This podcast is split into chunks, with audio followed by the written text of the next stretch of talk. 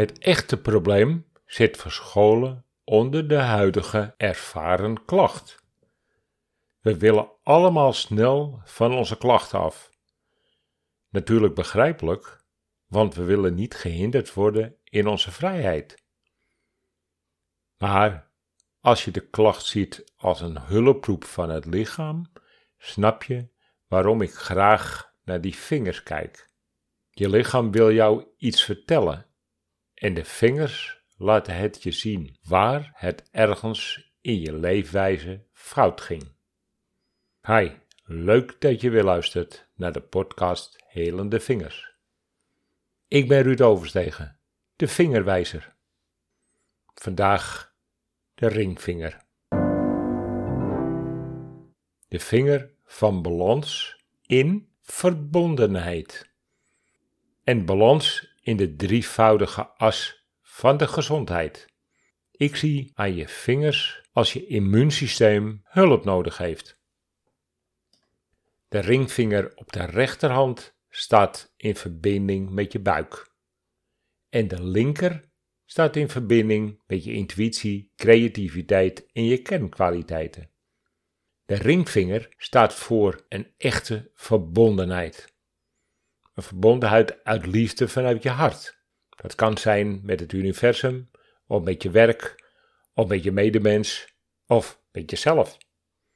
Waar kijken we naar als we die ringvinger bekijken? Als je nu nog verbonden voelt met je verleden, is dat op de rechter ringvinger te voelen. Heb je last van onverklaarde klachten, kijken we naar die ringvingers. Want mogelijk zit er iets in het verleden waardoor die klachten zijn ontstaan. Ben je dus in balans of ben je je balans kwijt? En waardoor is die balans verstoord? Een optimaal balans zit in de drievoudige as. Die as zit tussen je immuunsysteem, je hormonale systeem en je voedingspatroon. Ik zie in je vingers hoe je leeft en dus hoe die drie zich met elkaar verhouden. Ons immuunsysteem bestaat uit een ingewikkeld netwerk van organen met het vermogen witte bloedcellen te produceren, op te slaan en te helpen in de strijd tegen ziektes. Alle afzonderlijke organen staan met elkaar in verbinding via de zenuwen, hormonen en de hersenen.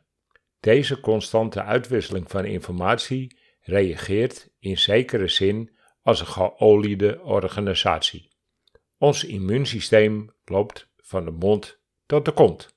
Als de drievoudige as in balans is door een goede leefwijze, is er niets aan de hand. Maar bij verstoring op die as zal het immuunsysteem gaan reageren. De meest voorkomende fout van het immuunsysteem is de allergische reactie. De meeste allergieën zijn zelden fataal, maar meestal zijn ze wel chronisch. En via de ringvinger is een en ander te herleiden. De ringvinger op de rechterhand staat in verbinding met je buik. In je buik voel je je gevoelens, je verdriet, je blijheid, je onzekerheid, je zekerheid, je boosheid, je verliefdheid. Denk maar eens aan die vlinders in je buik als je verliefd bent, of als er ergens iets tegen zit.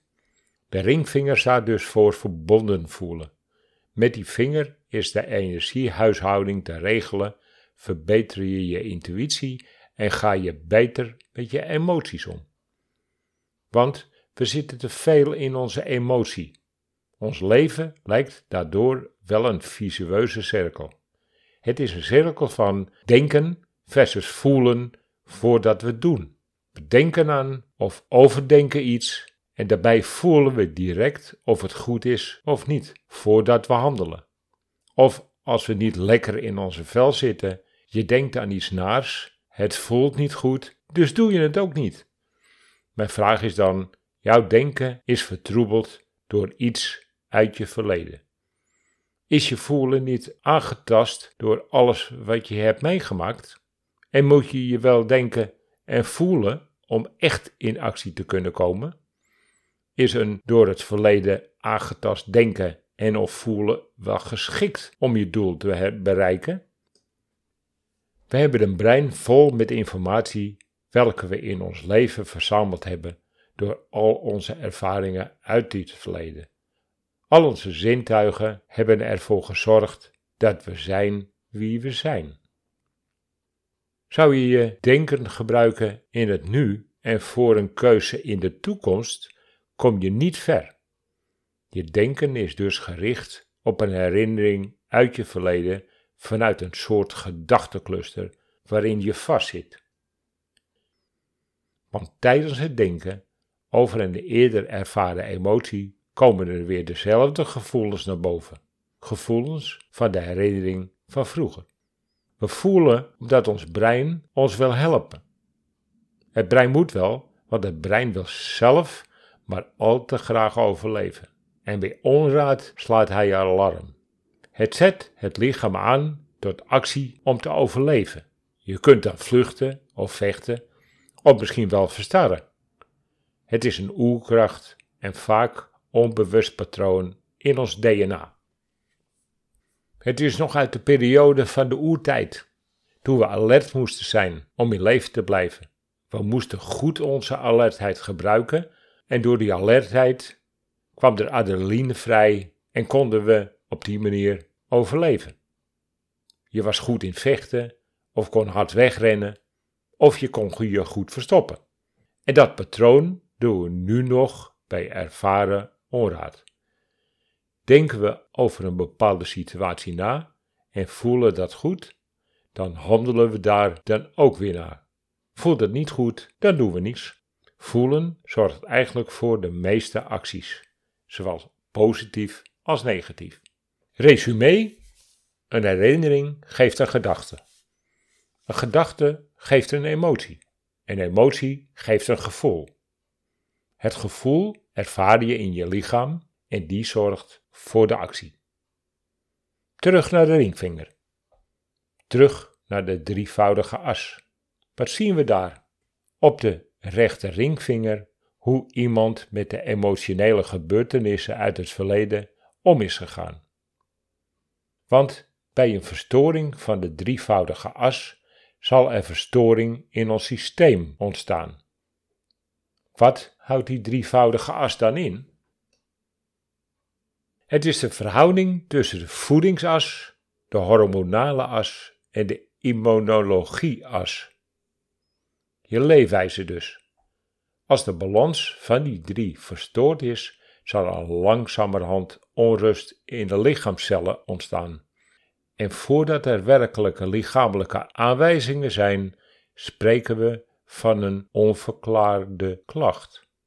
Dit omdat er nog geen zichtbare oorzaken aan te wijzen zijn, of enige schade aan een orgaan aanwezig is. Maar juist die onverklaarde en soms moeilijk te omschrijven onbalans in het lichaam zal op de duur wel degelijk een zwak orgaan als eerste ondermijnen.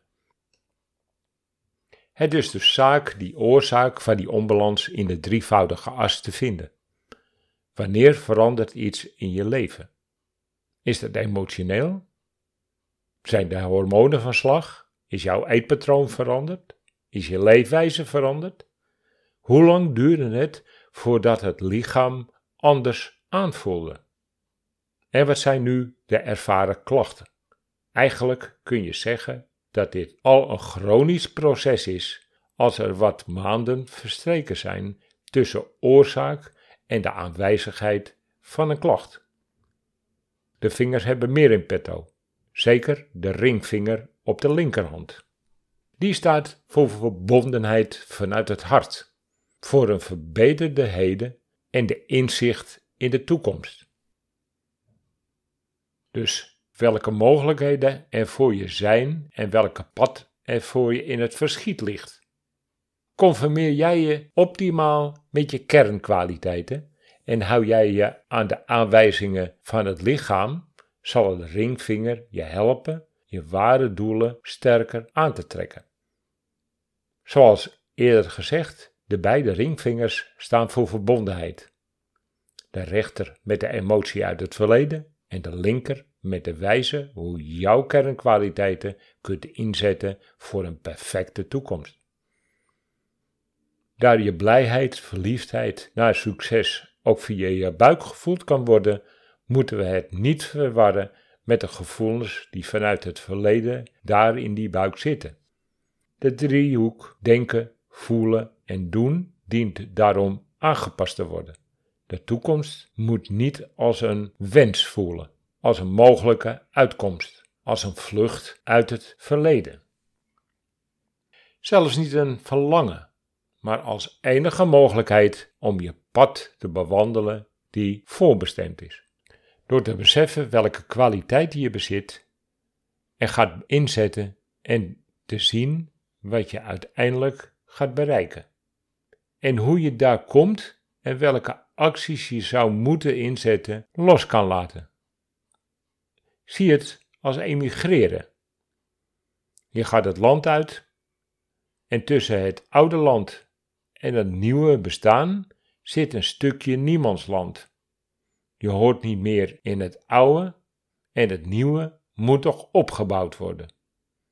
Hoe sterker je voorstelling is voor de toekomst, hoe eerder je het oude achter kunt laten.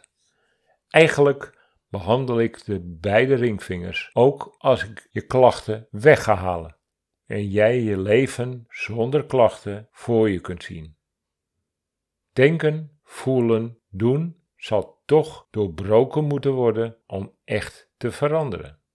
Of dat nu is met afvallen, stoppen met roken, oude patronen veranderen. Je doet het allemaal vanuit je hart. Je hart staat tenslotte in verbinding met liefde, blijheid, passie, wilskracht, gelukkig zijn. Waarom zou je je brein nog willen geloven als hij het allemaal over pijn, verleden en falen heeft? Snap je waarom linkshandigen vaker spiritueler zijn, gerichter op de positieve zaken, oplossingen zien en dergelijke? Ze gebruiken door de linkerhand te gebruiken meer hun creatieve kant van het brein. Rechtshandigen meer hun analytische kant van het brein. Het denken dus. Geef trouwens een druk kind eens vijf minuten een hamertje tik. Geef trouwens eens een druk kind vijf minuten het oude hamertje tik. En laat hem met zijn linkerhand het hamertje vasthouden en flink tekeer gaan. Er is direct resultaat op te merken. Dit was het eigenlijk weer voor vandaag. Volgende keer de pinken. Tot de volgende keer.